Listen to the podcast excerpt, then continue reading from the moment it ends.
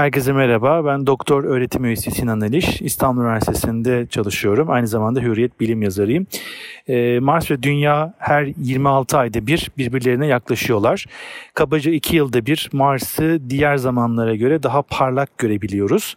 Ee, hatta 2003 yılında e, bu yakınlaşmaların içerisindeki en yakın olma durumu gerçeklenmişti. Dolayısıyla o tarihte Mars bizim şimdiye kadar gördüğümüzden biraz daha büyük ve parlak görünmüş ve çok dil, ilgi çekmişti. O tarihten beri de her aşağı yukarı 27 Ağustos'ta hatta bu sürekli internette tekrar tekrar karşımıza çıkan bir haber. Ama gerçek bir haber değil çünkü her 27 Ağustos'ta gökyüzünde Mars o kadar büyük ve parlak görünmüyor aslında.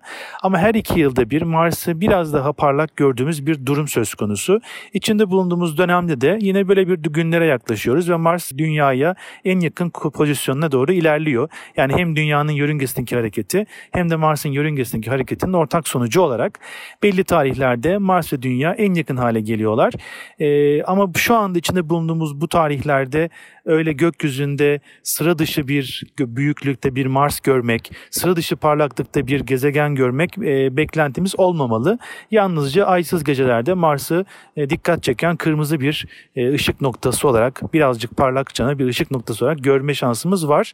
Bu dönem aslında bu yaklaşma dönemleri e, aslında gözlemler dışında bir de uzay ajanslarının özellikle NASA gibi Mars'a uzay aracı göndermeleri için de en uygun konumu da aynı zamanda içeriyor ki geçtiğimiz e, yaz ayında, Temmuz ayında bilindiği gibi e, NASA'nın Mars 2020 2020 adını verdiği, daha sonra da Perseverance diye özel adını verdiği bir uzay aracı yolculuğa çıktı. Mars'a doğru gönderildi.